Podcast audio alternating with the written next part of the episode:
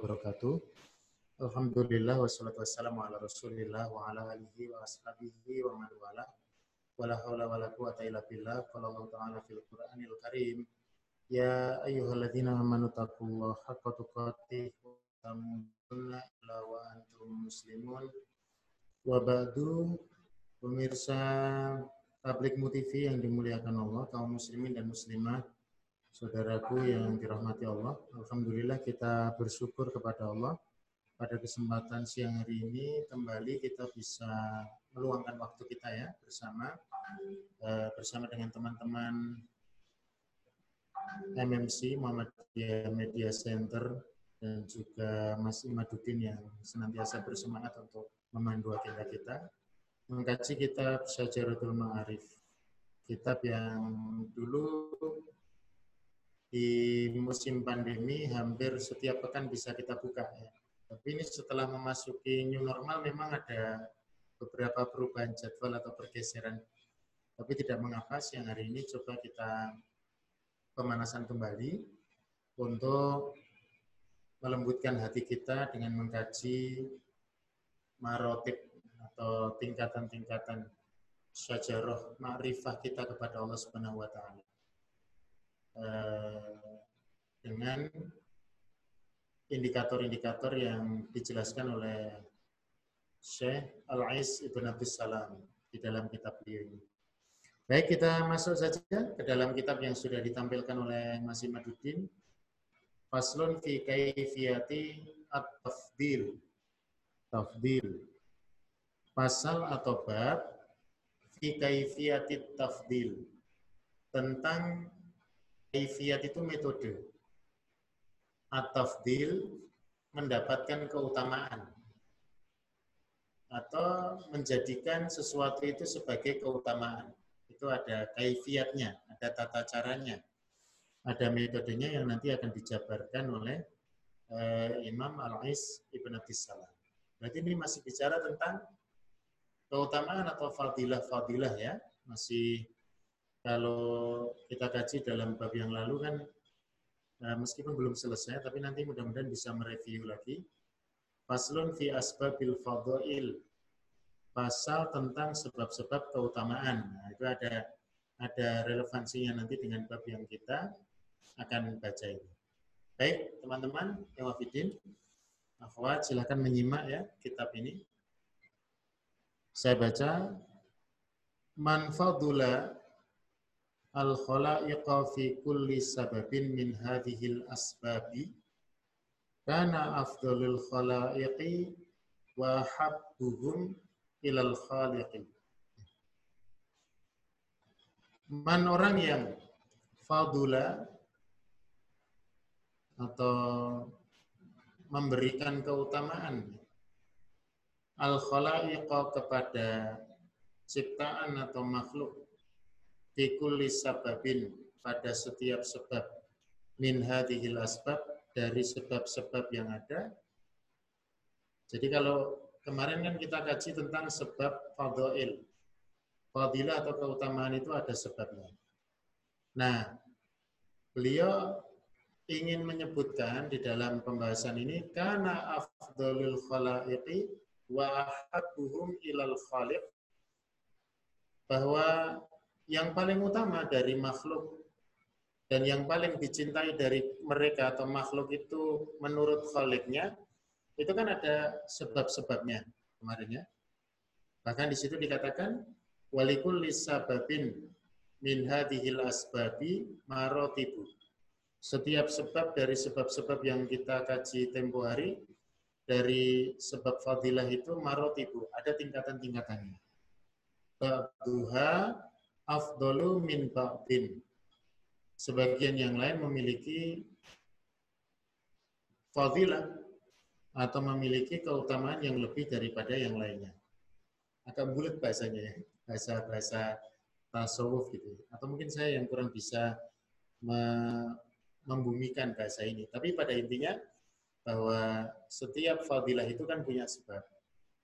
Review sedikit ya. Kemudian eh, sebab-sebab yang ditempuh oleh para makhluk adalah dinilai dari keutamaan itu berdasarkan dengan jadi kalau ada ungkapan wahabuhu milal khalik, setiap yang lebih dicintai oleh khalik, maka di situlah yang menjadi sebab yang lebih memiliki keutamaan.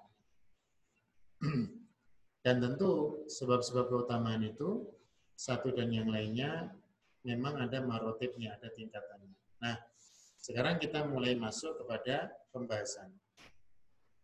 Farutabul ambiyai mutakoribatun. Maka rutab apa namanya level atau tingkatan-tingkatan para nabi mutakoribah.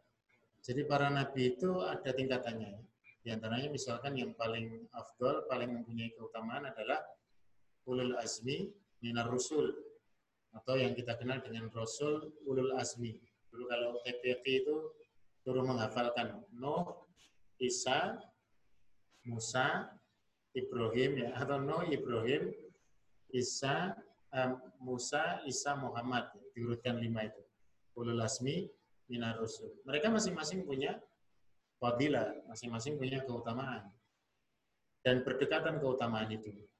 Meskipun nanti ada ya, eh, yang paling afdol adalah Rasulullah Khatamul Anbiya wal Mursalin Rasulullah Muhammad Shallallahu Alaihi Wasallam. Kemudian nanti ada ulil asmi minar rusul dan seterusnya. Nah, e, mereka punya fadilah, punya keutamaan. Tetapi keutamaan-keutamaan ini saling berdekatan karena makom mereka adalah sama-sama para nabi.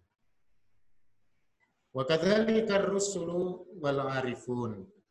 Juga di kalangan para rasul-rasul dan para arifun ini kalau kita maknai apa? Orang-orang bijak atau orang-orang yang bermakrifah kepada Allah. Itu mereka juga masing-masing punya fadilah. Ba'duha afdalu min ba'din. Sebagian dari mereka punya fadilah kepada sebagian yang lain. Ya, kalau di dunia tasawuf kita mengenal nama-nama ada Abu Yazid Al-Bustami yang terkenal itu ya Meskipun nanti tidak semua orang bisa menerima keberadaan beliau. Ya kalau kita di, mohon maaf ya, di bahasanya di Muhammadiyah ada rujukan-rujukan para mutasawif ya,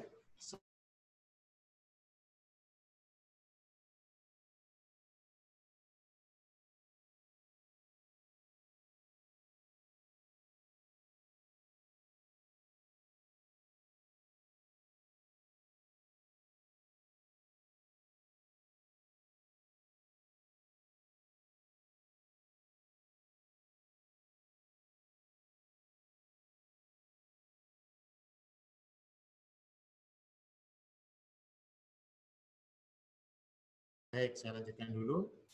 Wazuhadu wal ubad. Juga para zuhad. Zuhad itu pelaku zuhud.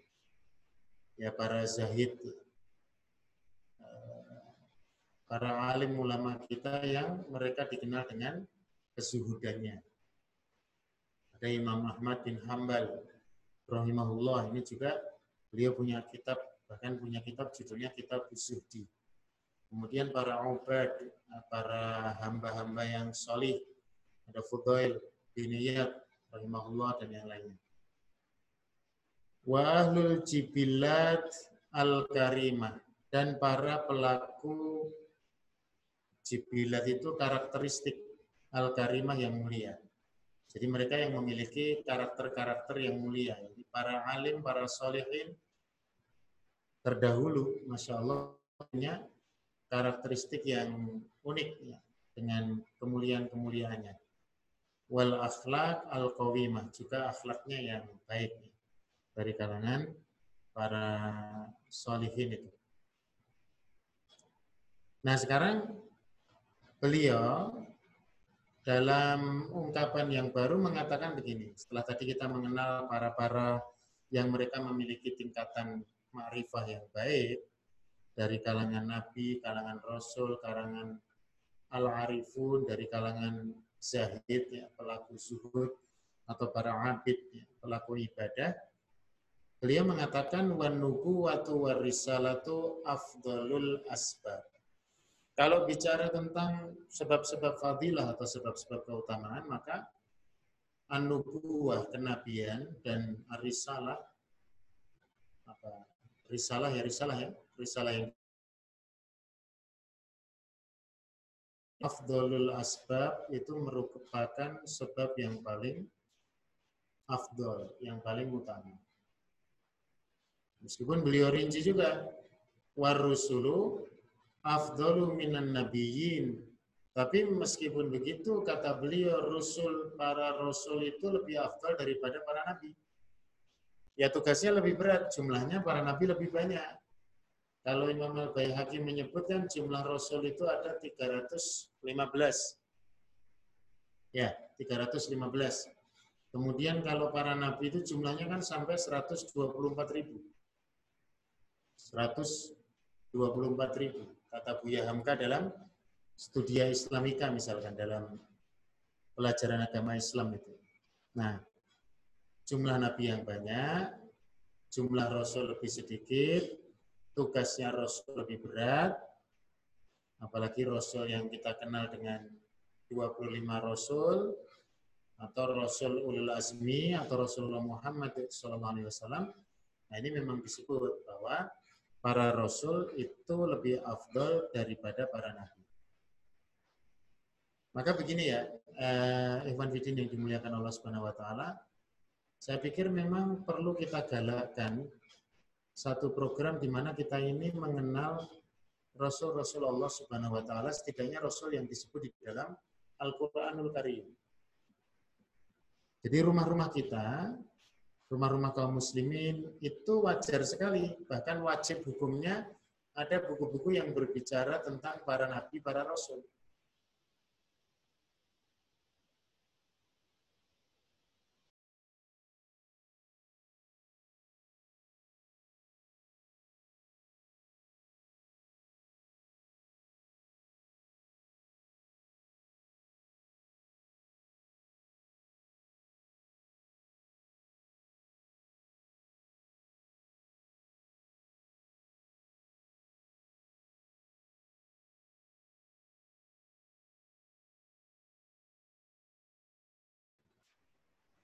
Atau setidaknya ya kalau kita pada level kita mungkin literasi kita lemah atau kita tidak suka baca, ya, maka paling tidak kita mengenal gambaran yang menjadi representasi dari perjalanan nabi-nabi terdahulu dalam satu pribadi, yaitu pribadi Rasulullah Muhammad Shallallahu Alaihi Wasallam.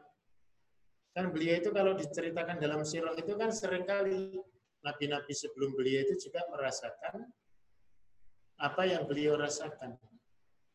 Didustakan para rasul sebelum beliau juga rasul-rasul disakiti sebagaimana beliau rasakan. Ini kan berarti kalau kita nanti menyempatkan untuk mengkaji sirahnya Nabi Shallallahu Alaihi Wasallam, maknanya apa? Kita telah mengkaji satu representasi dari karakteristik kehidupan para nabi. Jadi dalam karakter dasar para nabi itu kan ada ya. Memang kalau Quran menyebut itu ya mesti apa namanya e, tidak salah itu. Misalkan di dalam surat apa itu? Coba kita buka ya. Al-Anfal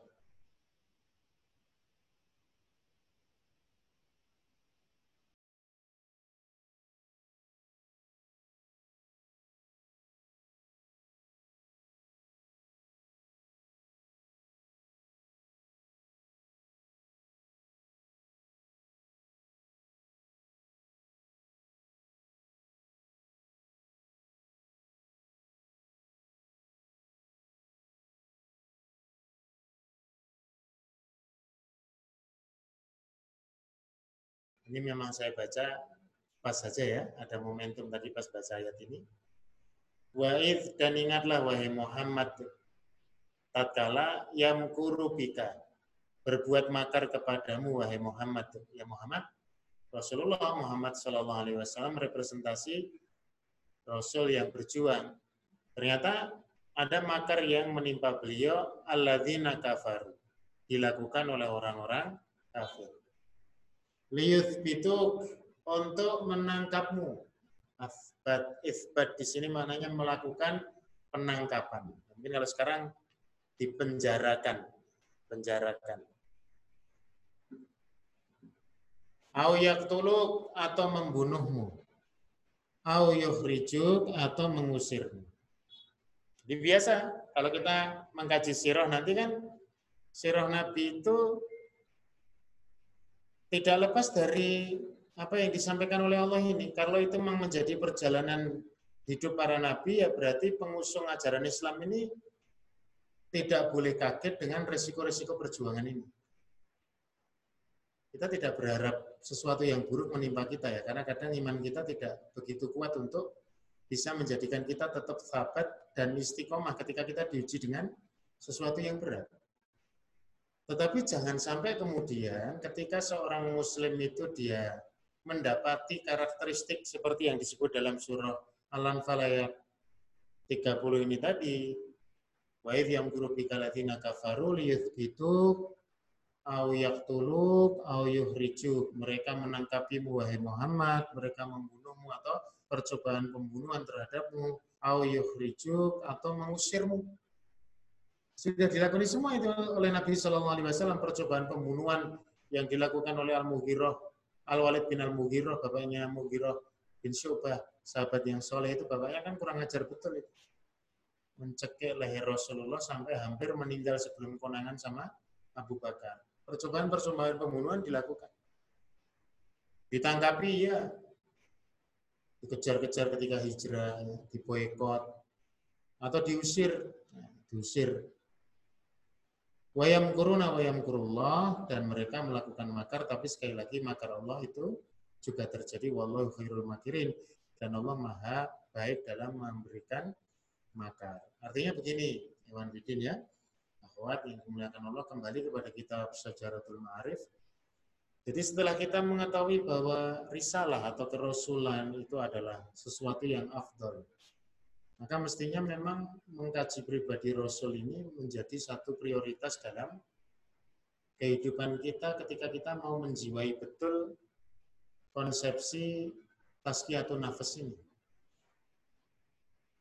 Jadi kalau kita mau mensucikan jiwa tapi tidak menjiwai kehidupan Rasul apalagi kita punya Rasul yang terang, kita diminta untuk menjadikannya sebagai uswatun hasanah, Rasulullah Muhammad SAW, maka di situ nanti ada ketimpangan.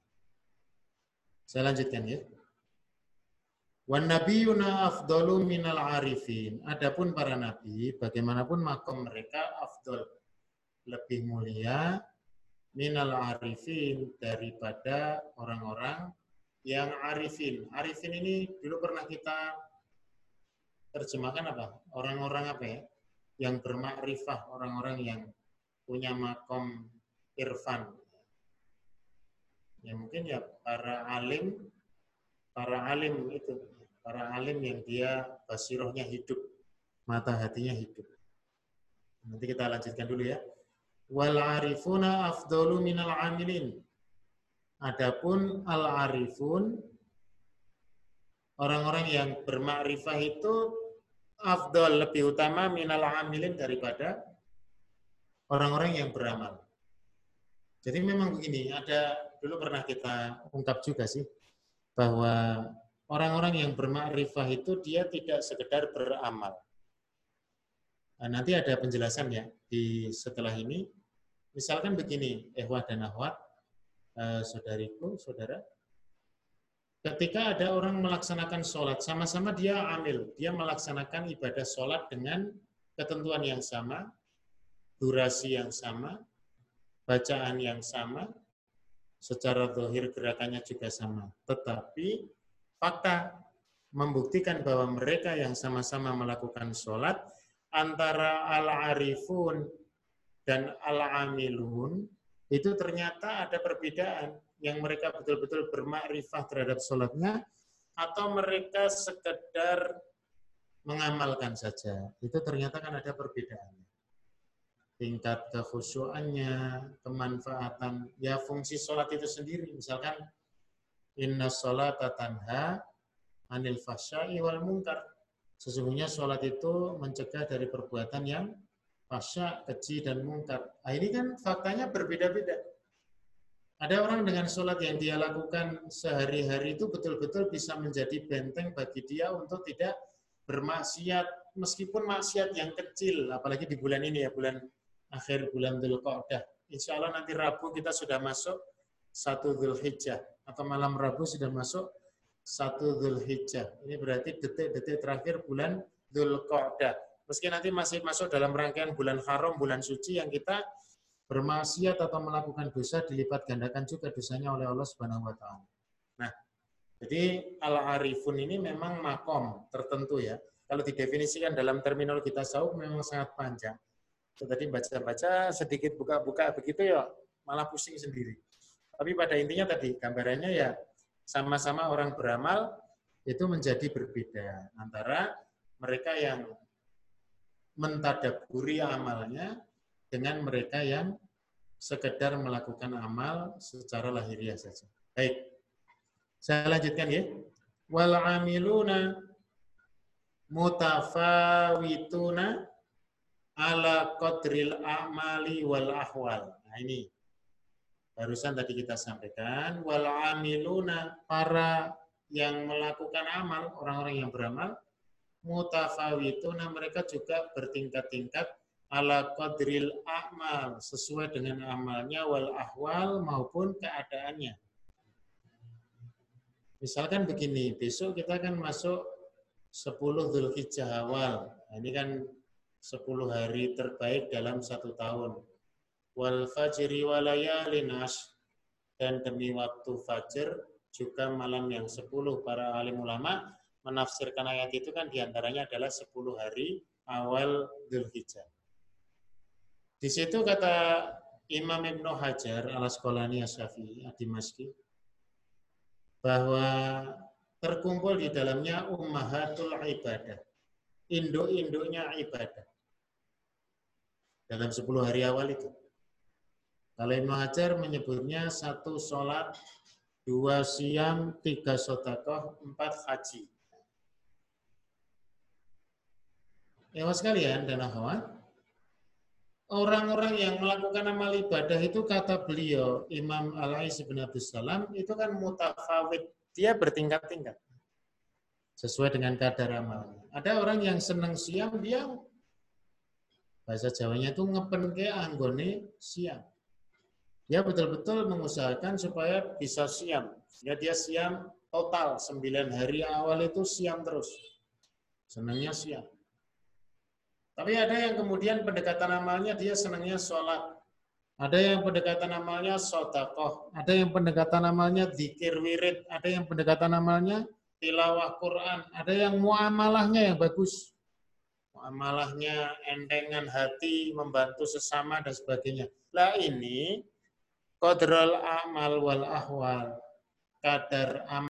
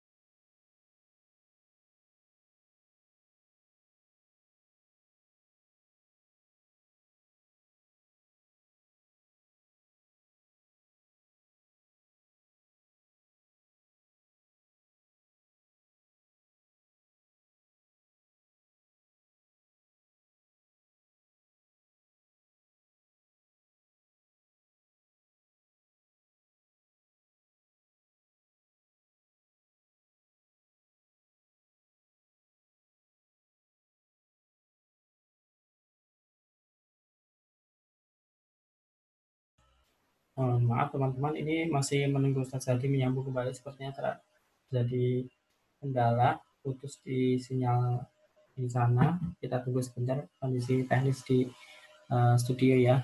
Terima kasih atas kesabarannya menunggu. Insya Allah kita akan segera tersambung kembali Ustaz Hadi. Kebetulan uh, siang sinyalnya agak sulit. Sebentar sambil menunggu, ya.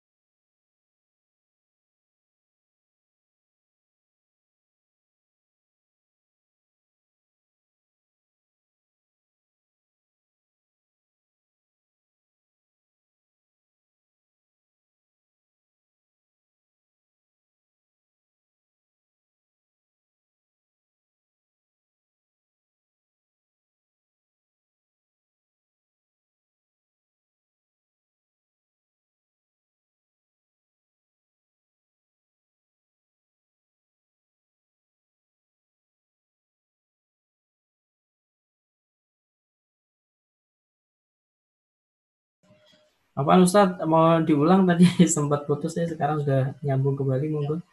Mohon maaf. apa-apa. Kita lanjut lagi.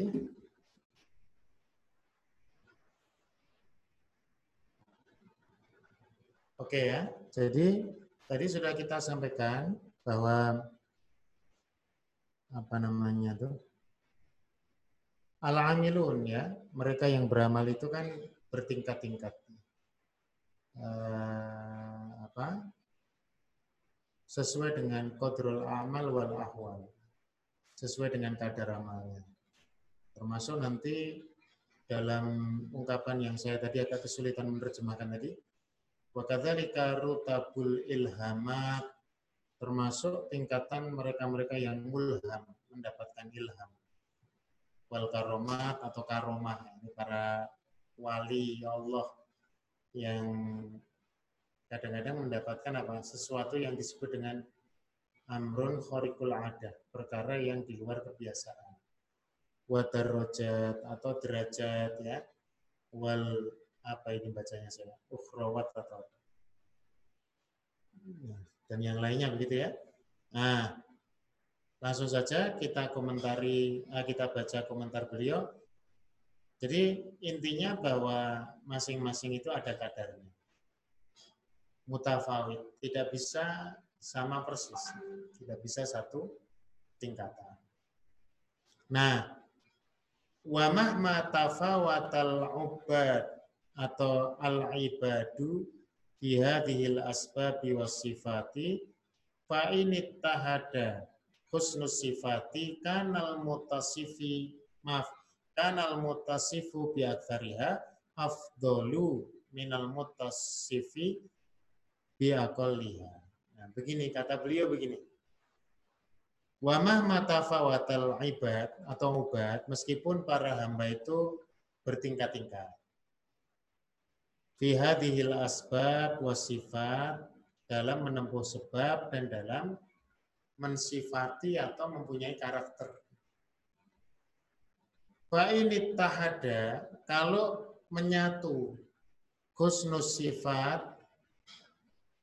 dalam kebaikan sifat-sifat yang ada itu kanal mutasifu bi aktsariha orang yang punya sifat atau berkarakter dengan yang paling banyak dari sifat-sifat itu afdolu minal mutasifi bi akoliha dia tetap lebih afdol dari orang yang mempunyai karakter dengan yang sedikit. Ini kaidah umum. Nanti ada penjabaran setelah ini. Artinya begini loh, Ewan Vicin dan Ahwat ya, bahwa sebab-sebab sifat-sifat itu kan banyak. Kita ini menjadi orang yang mestinya berlomba-lomba untuk berkarakter dengan sifat-sifat kebaikan itu. Jadi kalau ada orang punya 10 karakter kebaikan dengan punya tiga karakter kebaikan, ya tentu yang 10 itu lebih afdol. Semakin banyak karakter kebaikan itu ya semakin baik untuk kita. Maka kesempatan untuk membuka pintu kebaikan dan kemudian memasukinya ini penting sekali. Ya. Jadi kalau ada orang beramal soleh itu, kita punya giptoh namanya. Giptoh itu apa? Sifat iri di dalam kebaikan. Jadi giptoh kalau Imam Al-Ghazali itu menyebut itu. Ada saudara kita berjuang ada saudara kita bekerja, ada saudara kita beramal itu, kita merasa pengen mengikuti, ada sifat yang iri. Karena tadi memang kalau misalkan ada 10 kebaikan bisa kita lakukan hari ini, kenapa kita bertahan dengan lima kebaikan? Nah, kalau bisa majelis ilmu terselenggara semakin banyak, ya semakin baik.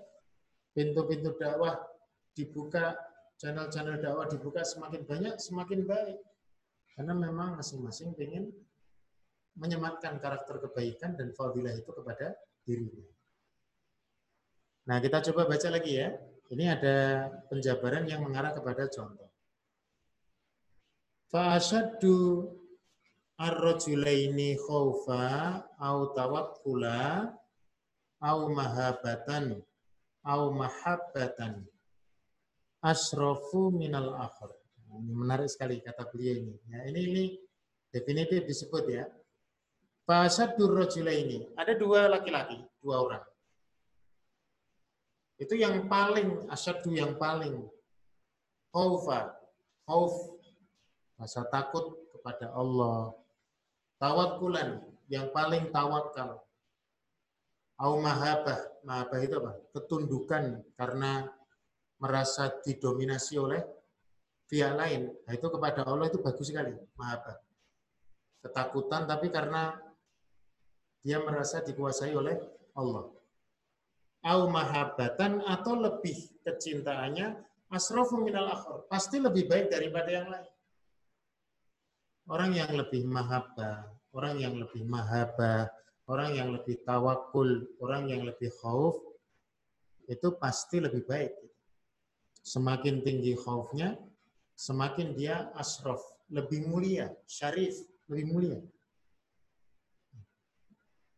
Sebab kalau dia punya sifat khauf, dia punya tawakul, dia punya mahabbah, dia punya mahabbah, itu nanti pasti akan berbuah kepada perkara-perkara yang itu akan menjadikan tumbuhnya kebaikan bagi kehidupan dia. Ada orang adigang, adigung, adiguno, gak sio marang sapodo-podo kata orang Jawa bilang itu. Itu dipastikan dia tidak punya khauf yang benar kepada Allah Subhanahu wa taala. Dipastikan dia tidak mungkin bertawakal kepada Allah Subhanahu wa taala. Termasuk menjadikan istana negara untuk kepentingan kekuasaannya. Mohon maaf.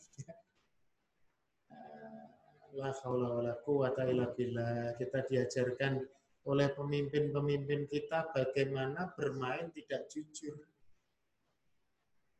Bismillah Pak, Pak tua sudahlah, sampean wis tua. Wis rasa dadi wali kota. Sing dadi wali kota anakku bae sing isin nom.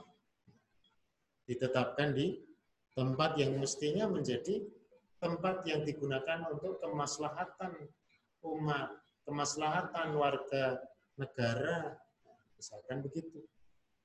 Jadi terkait semua sebetulnya ya. Khaufa, tawakkula, mahabah, au mahabbah. Saya lanjutkan. Fa ini talafat hadhil awsafu kanat tafdilu bi asrofiha qadro. Fa ini talafat.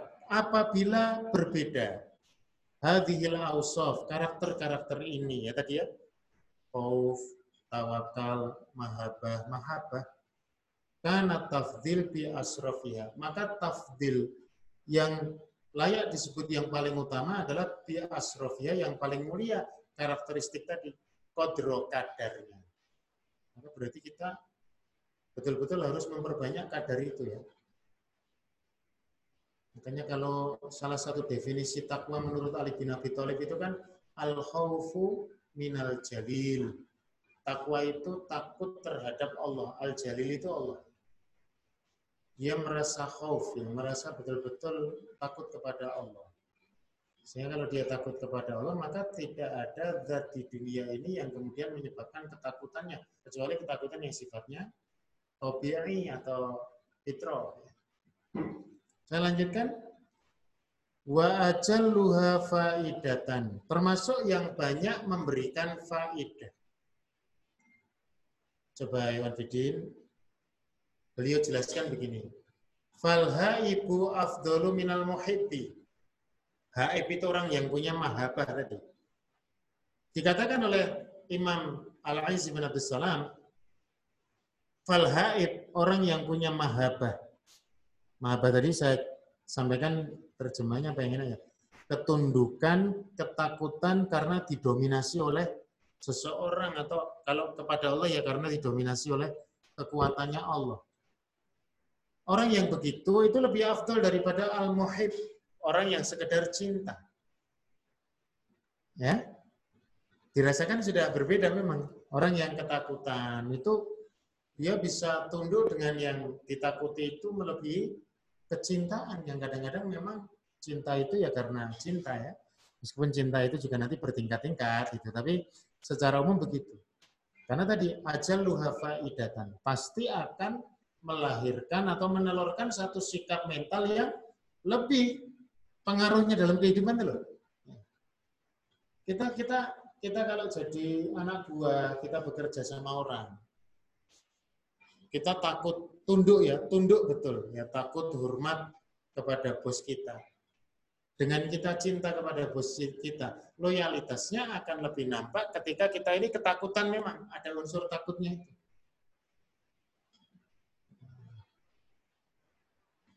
Meskipun begitu nanti bukan berarti muhib atau cinta itu buruk, tidak. Dikatakan wal muhibbu afdalu minal mutawakkili. Orang yang jatuh cinta itu lebih afdal daripada orang yang hanya bertawakal, bersandar. Sandar itu pasif ya. Sandar itu pasif. Mutawakil itu pasif. Bagus, dia bersandar. Kalau kepada Allah kan bagus. Tapi kan pasif. Tapi kalau cinta itu dia kan membuktikan cintanya itu. Tawakalnya jelas dapat, tapi ada hal yang sifatnya dia melakukan suatu amal untuk membuktikan kecintaan itu. Ada makanya model pacaran mungkin orang yang bertawakal kepada pacar yang mau sandaran terus. Maksudnya sandaran itu ya bersandar beneran. Sandar. Tapi ada yang muhib, yang cinta itu ya aktif, proaktif, ya jajak ke barang. Barakallahu fiikum. Mantap, jazakumullah Mas Tamamnya. Jadi ada ada ada nilai-nilai yang bisa kita raba dan kita ukur nanti. Kemudian wal mutawakkilu afdalu minal khaif. Nah, orang yang bertawakal lebih afdal daripada orang yang sekedar takut mengutik Dengan orang yang bertawakal dia bersandar, ada nilai kepasrahan, ketundukan. Dengan takut beda. Nah, ini gambaran ya bahwa memang nanti ada kadar-kadar ini. Ini masya kalau kita nanti setiap kita beramal, kemudian kita kalau bahasa Jawa itu nepake. Nepake amal kita ini pada kadar-kadar ini akan menjadi sesuatu yang luar biasa. Maka sampai dikatakan itu oleh beliau Imam Al-Aiz bin Abdul Salam, wal musalli afdalu minal mutawaddi. Orang yang sholat lebih afdal daripada orang yang wudhu. Karena orang yang sholat itu pasti wudhu. Orang yang wudhu dia belum tentu melaksanakan sholat. Bukan berarti wudhunya itu buruk. Dia ada fadilah. Dikatakan afdol itu karena dua hal itu punya fadilah. Tapi yang satu lebih daripada yang lain. Ya. Wal ghazi afdalu minal hajj. Siapa yang meragukan kebaikan orang berhaji? Tapi al-ghazi, orang yang berperang di jalan Allah, jelas lebih afdol daripada jamaah haji. Meskipun haji tidak kita ragukan lagi fadilahnya yang luar biasa. Ya, biasanya kalau ada orang menjelek-jelekan orang yang haji dengan mengatakan Allah haji ki opo nek Arab apik pahalanya jihad. Itu biasanya yang ngomong begitu ya jihad ya orang, haji ya orang. Ya. Kalau orang mujahid benar nggak mungkin dia menjelek-jelekan. Tapi dalam seterata amal dan fadilahnya faktanya memang al-ghazi mujahid, qatil, fisabilillah, afdalu minal hajj. Masyakohnya beda. Kesulitannya beda. Haji itu sulit luar biasa, masyakohnya luar biasa. Tapi hampir-hampir kepastiannya ada, ya terukur. Tapi kalau sudah al-ghazi, jihad, berperang, itu lebih spekulasinya lebih berat. Maka masyakohnya lebih besar. Wal muftaridu afdalu minal mutanaffilu. Nah, ini juga menarik ini. Orang yang melakukan amal yang wajib lebih afdal daripada orang yang melakukan amal sunnah. Siapa sih orang yang tidak memuji orang yang melakukan sunnah? Kalau ada orang qiyamul lail, Masya Allah. Kita semuanya menyebut apa? Masya Allah, ya kan? Luar biasa. Tapi dia tidak sholat subuh, ya apa? Qiyamul lail gak sholat subuh. Maka Qiyamul Lail menjadi tidak bermakna ketika dia meninggalkan fardunya. Maka al-muftarid, ada orang Masya Allah, dia sholatnya biasa saja. Bisa subuh. Tidak ditinggalkan. Dia meninggalkan Qiyamul Lail memang karena keterbatasan ya. Itu lebih afdol daripada orang yang Qiyamul Lail tetapi meninggalkan faridoh-faridoh tadi atau yang wajib-wajib tadi. Wa kadzalika sairul kurubat. Demikian juga seluruh kurubat atau amal takorup kepada Allah Subhanahu wa taala. Mungkin kalau ngaji begini ada enggak gitu ya stratanya itu? Ngaji siang hari pada duhur lebih afdol daripada pagi hari karena lebih berat. Tapi kan ngantuk juga. Ini saya ngomong aja sambil ngantuk ini ya. Karena biasanya merem jam segini ini. Nah. Baik. Lanjut lagi, kita selesaikan mudah-mudahan satu paragraf ini secara cepat. Faidatun, ada tambahan. Al-ma'rifatu hasatun ala jami'i.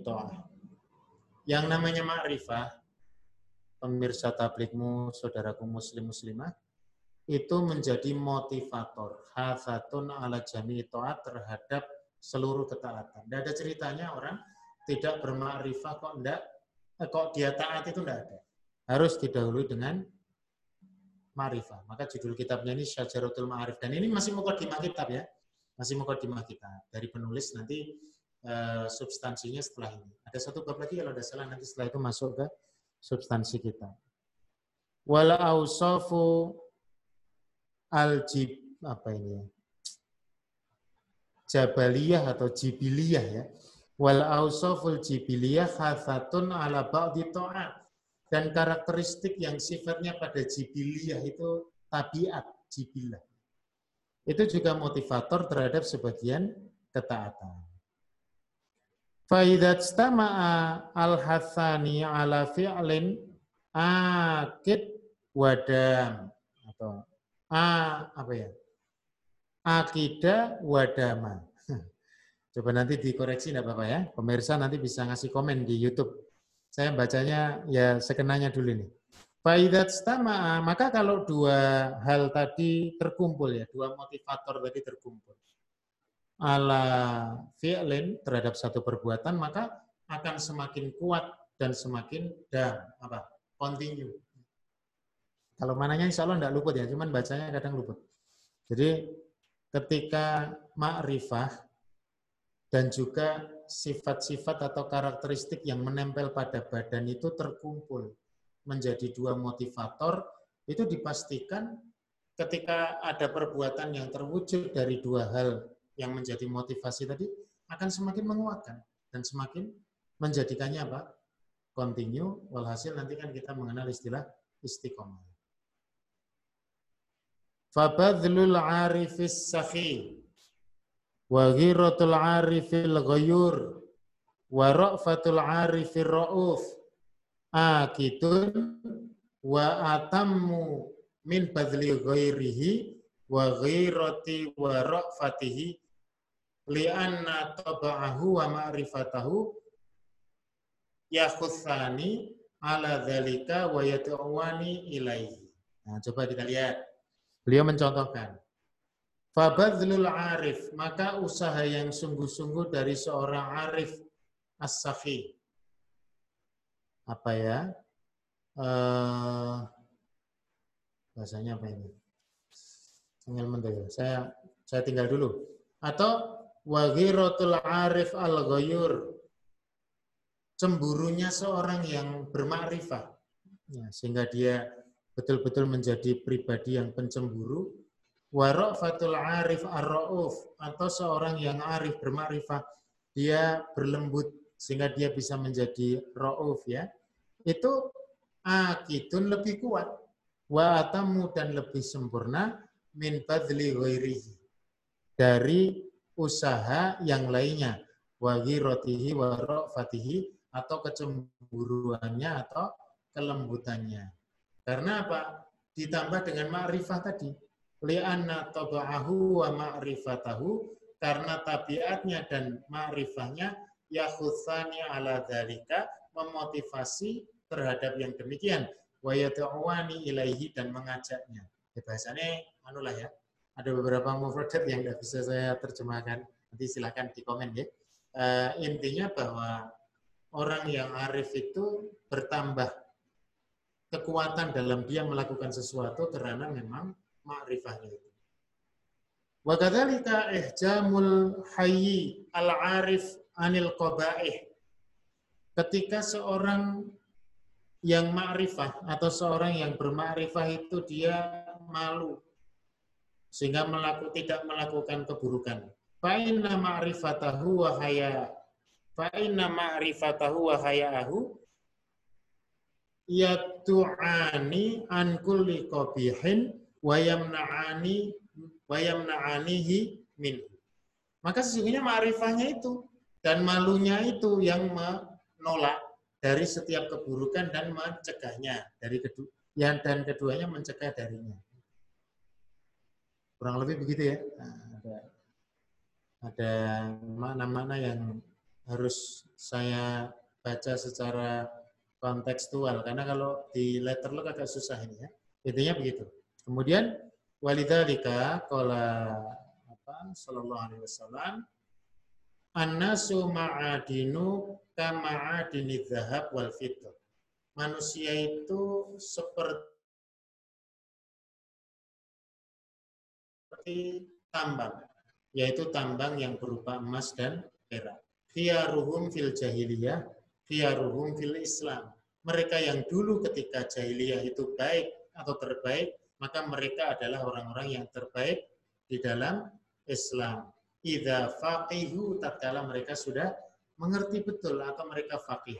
Coba Iwan Bidin hadis ini sering disampaikan ketika menyebut mereka-mereka yang jahiliyah itu ketika masuk Islam. Coba misalkan begini, Nabi pernah kan bilang, wah ya Allah, kuatkanlah Islam ini, aizal Islam, dengan satu dari dua Umar. Amr bin Hisham sama Umar bin Khattab. Amr bin Hisham itu Abu Jahal. Kemudian yang satu Umar bin Khattab. Ternyata dikuatkan dengan Umar bin Khattab. Umar bin Khattab itu ketika masa jahiliyah itu ya preman betul luar biasa. Hebat gitu loh. Memang orang menonjol. Lah begitu masuk Islam ya jadi hebat. Jadi kalau mereka sudah ngerti, mereka sudah fakih, mereka masuk Islam juga apa namanya menjadi hebat. Mereka yang dulu emas, maka ketika mereka fakih, mereka masuk Islam, mereka akan menjadi emas. Abu Bakar itu bukan orang baik setelah masuk Islam. Memang dulu ketika di masa jahiliyahnya pun juga dia dikenal sebagai orang yang punya kelebihan. Li'anna tiba'ahum wa fiqhahum wa imanahum hawathun ala al-akhlaq as Karena tabiat mereka, kefahaman mereka, iman mereka menjadi motivator terhadap akhlak yang baik. Artinya begitu ya, Tuhan Bidin yang dimuliakan Allah Subhanahu wa taala. Jadi berkaitan dengan kafi kaifi atau taftil bagaimana seseorang itu menjalani supaya dia mendapatkan fadilah yaitu tadi menempuh berbagai macam kemungkinan untuk dia terbuka fadilah-fadilah atau keutamaan-keutamaan itu. Maka tadi sampai eh, ini memang kitab syajarah ya. Jadi mesti ada perbandingan-perbandingan, ada tingkatan-tingkatan. Kalau haib itu lebih bagus daripada muhib dan seterusnya itu memang bagian daripada karakternya. Mudah-mudahan tidak bingung, ya semakin memotivasi kita untuk uh, menjadi yang terbaik dari apa yang bisa kita lakukan. Kalau kita bisa sholat, ya kita sholat. Kalau bisa sholat berarti kan bisa wudhu dan bisa sholat. Tapi kalau bisa wudhu saja, wudhu lah. Ya. Misalnya baru wudhu, belum bisa sholat, lakukan wudhu itu. Mungkin belum mau sholat apa gitu ya, tapi sudah wudhu lumayan menjaga wudhu. Syukur bagi bisa sholat tohur, untuk sholat setelah wudhu. Maksudnya seperti itu. Terus mencari peluang untuk menjadi yang terbaik. Mungkin ini yang bisa saya sampaikan uh, pada kesempatan siang hari ini. Mudah-mudahan bermanfaat.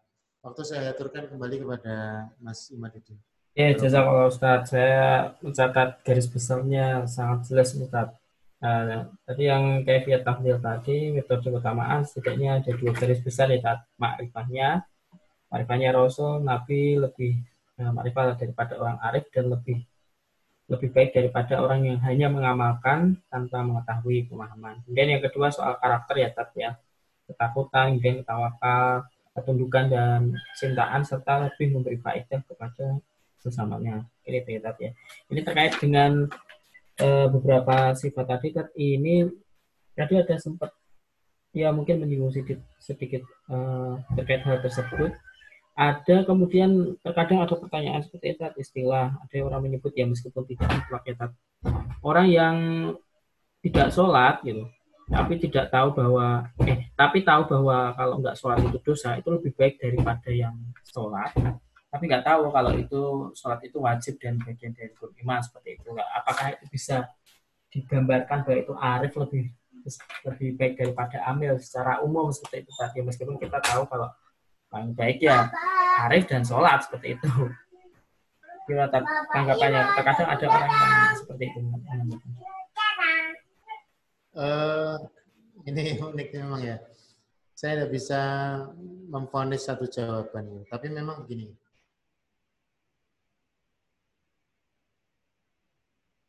perlu diruntut orang yang sholat, dia tidak ngerti bahwa sholat itu wajib. Dia ikut-ikutan sholat. Hakikatnya dia tidak wajib untuk melakukan sholat sebenarnya, secara hukum. Karena ya memang dia tidak wajib sholat. Orang yang melaksanakan sholat itu adalah orang yang mengerti betul bahwa dia wajib untuk sholat. Satu sisi ada orang yang ngerti kewajiban itu, sadar betul dia meninggalkan sholat. Dan dia mendapat hukum tersendiri. Jadi di sini mungkin tidak masuk dalam kategori sajaroh ya. Tidak masuk dalam kategori mana yang lebih baik karena dua-duanya memenuhi indikator untuk menjadi kasus dalam hukum yaitu hukum meninggalkan sholat. Sama-sama buruk itu tidak bisa dibikin mana yang lebih mending gitu. meskipun dalam prakteknya kan kelihatan beda ya. Ah, yang satu sholat yang satu enggak. Tapi faktanya sholat seseorang yang tidak menyadari akan kewajiban kesadaran terhadap kewajiban sholat ini tidak mesti harus difahami kesadaran hukum ya, tapi kesadaran pengetahuan dasar.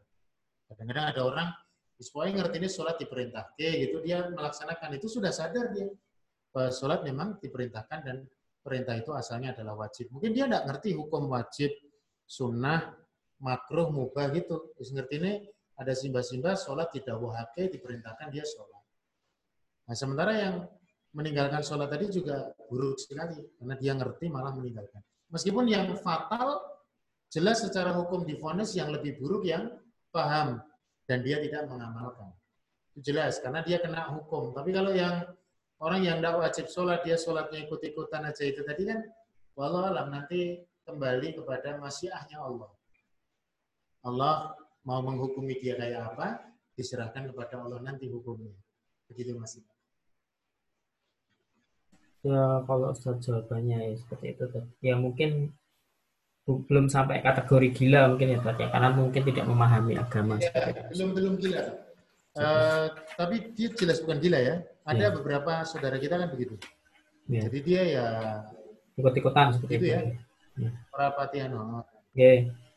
Uh, kemudian ini uh, ada juga ya tadi kaitannya dengan karakter dan makrifat tadi ya itu kan hubungannya dengan akhlak sehari-hari kita uh, bermasyarakat atau di apa ya istilahnya di muamalah seperti itu. Ada juga se secara ya secara lahiriah kita tahu kita dia juga ahli ibadah. Kemudian ya dari tampilannya sudah kelihatan letak rajin ibadah dan sebagainya.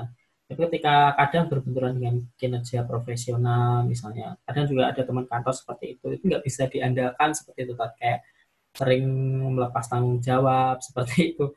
Nah ini cara cara kita memandangnya supaya tidak sebelah mata kafah itu bagaimana Pak? Jadi kita nggak menjat juga kita sholatnya wis rajin raguno profesora profesional plus meninggalkan kewajiban bertanggung jawab lah kayak gitu supaya tidak ada munculkan hal seperti itu bagaimana?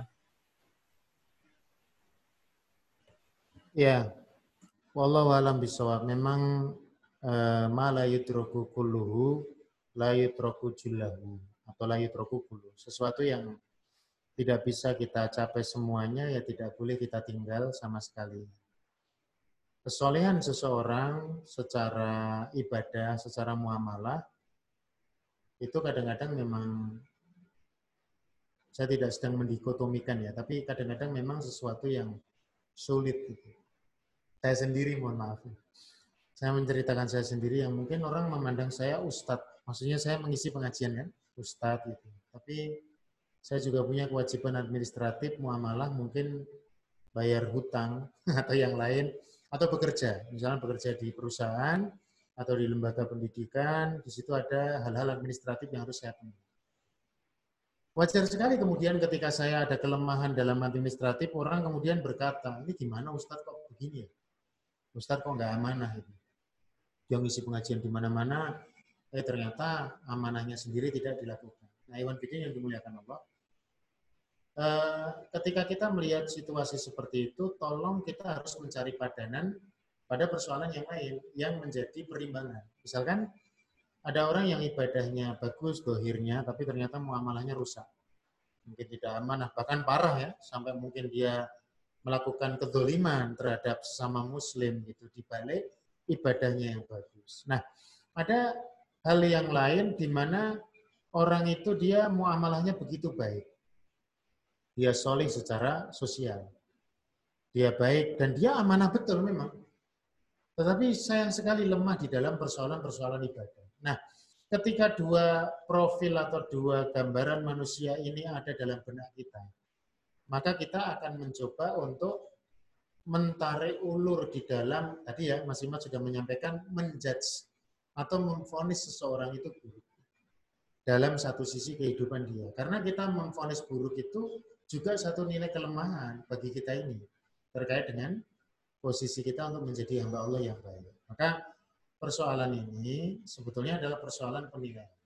Saya sendiri sejujurnya juga melihat ada profil-profil begitu dalam kehidupan yang saya jalani dan tentu panjenengan juga sama mengalaminya. Tapi coba kita kalau sudah begitu nanti tarik ulur itu akan kita tepak yang awal EDW gitu bahasanya. Kita ini kira-kira berada pada posisi yang mana? Gitu.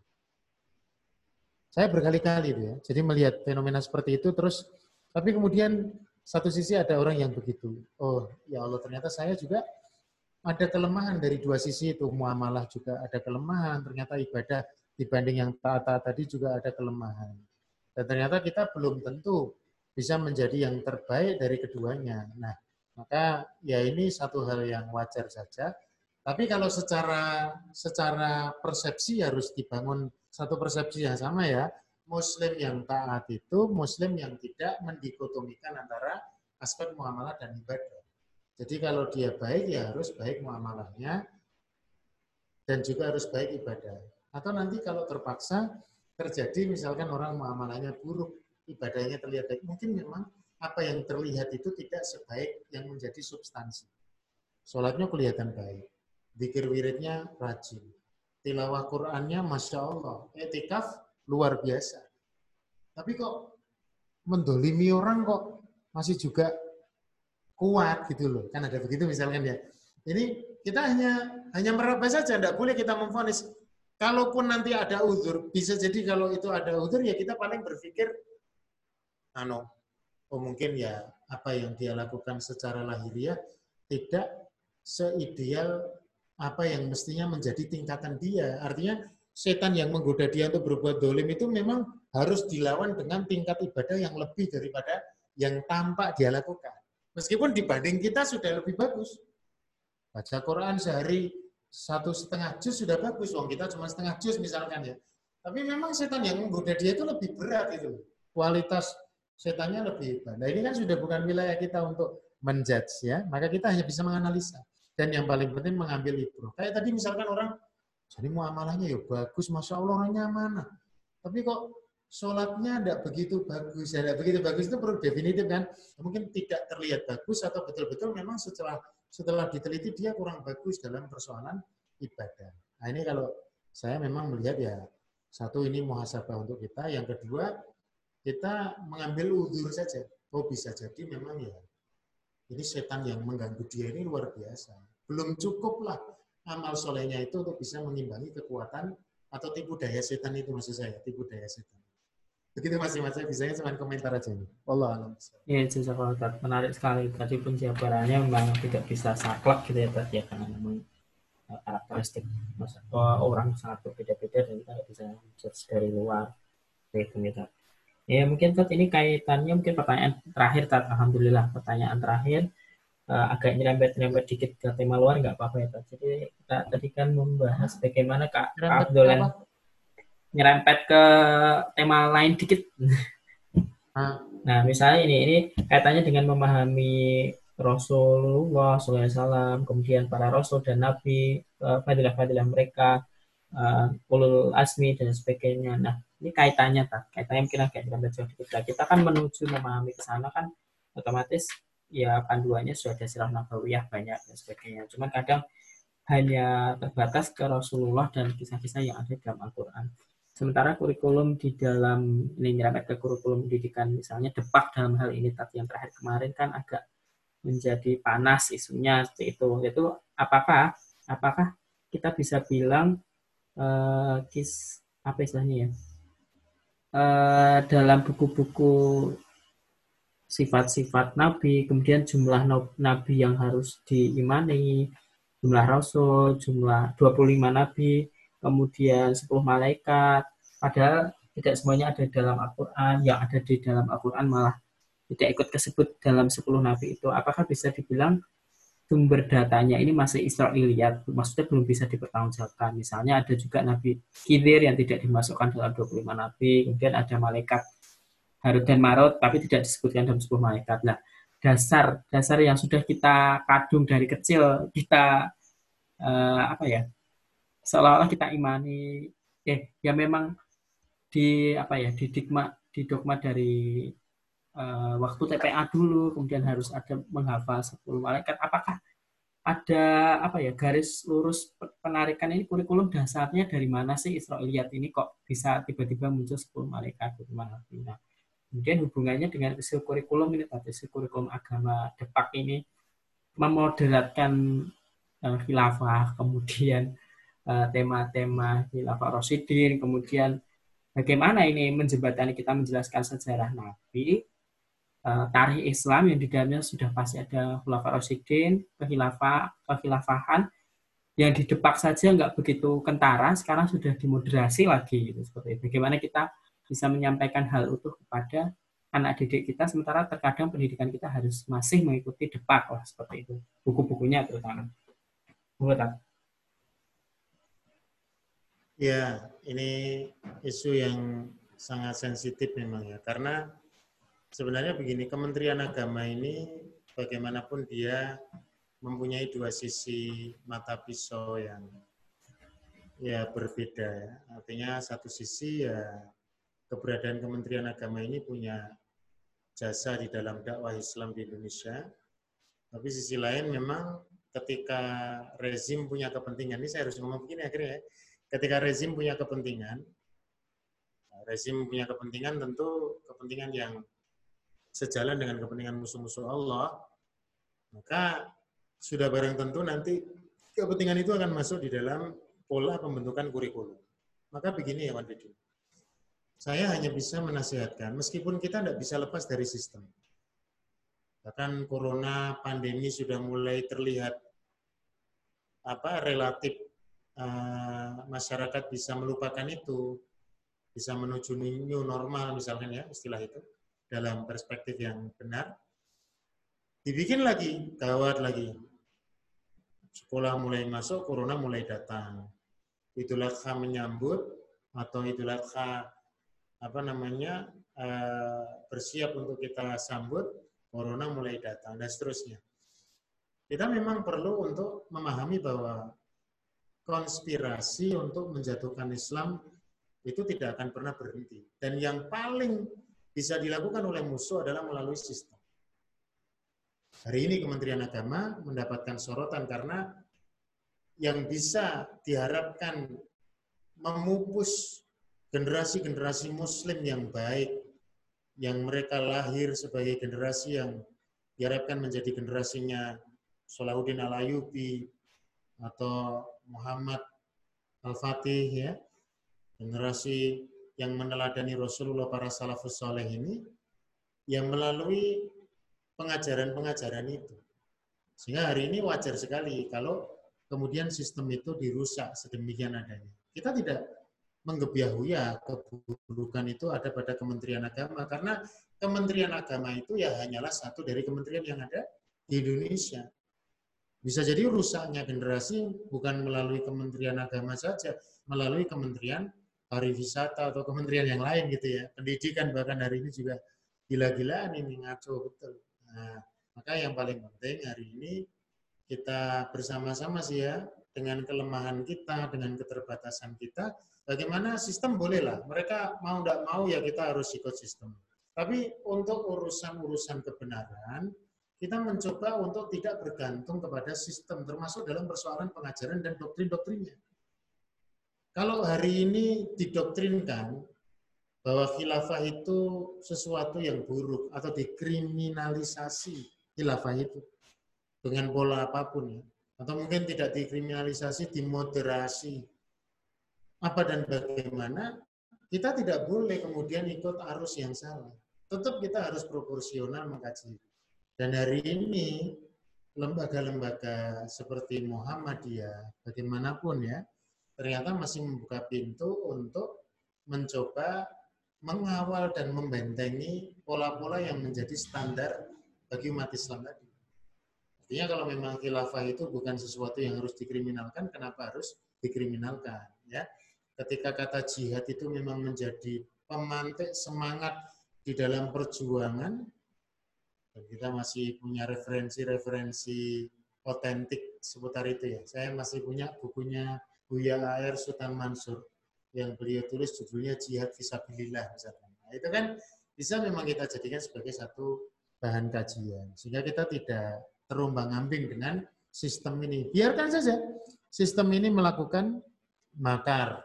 Mereka membuat makar, tidak ada masalah. Ya kita mengkanter, kita mengkanter, kita menjawab, kita mencoba untuk bermain pada posisi yang kita tetap bisa berjalan pada wilayah dakwah tapi pokok-pokok yang menjadi dasar daripada Islam ini tidak boleh kemudian dibiarkan tergerus dengan sistem tadi.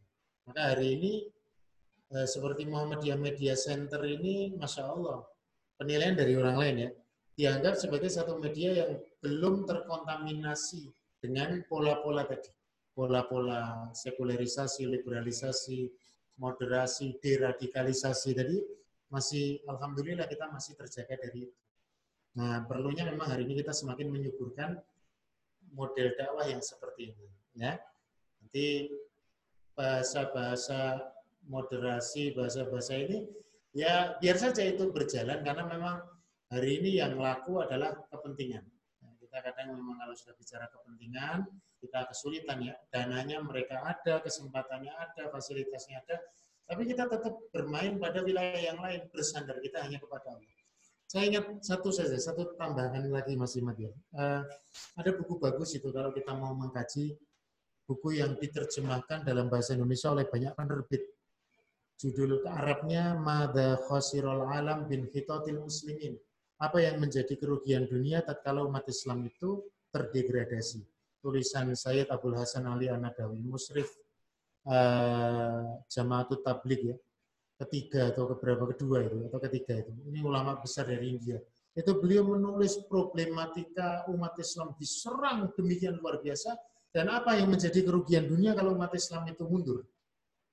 Dan beliau waktu itu dalam situasi yang demikian genting itu, tapi umat Islam masih punya satu kekuatan di mana bersandar kepada Allah Subhanahu wa taala. Jadi kalau hari ini Kemarin ada posting dari seorang ustadz, kita sudah habis sekarang. Tidak, kita tidak habis. Ya. Dan sampai kita eh, persepsi kita sama dengan kekhawatiran itu. Inferiority kompleks itu jangan sampai dibangun terus. Jadi memang bukan berarti kita juga kepedean jumawa tidak ya. Kita tetap menganggap itu bagian daripada tantangan. Wa yang kuruna, wa yang kurullah, ya kan wallahu khairul makirin. Jadi begitu. Ya, ada tantangan, tapi tetap kita berusaha untuk bermain pada satu real yang tidak bisa dipengaruhi oleh kebijakan apa pun. Soal kebenaran-kebenaran doktrinasi Islam ya kita pertahankan lewat situ. Begitu Mas Imat.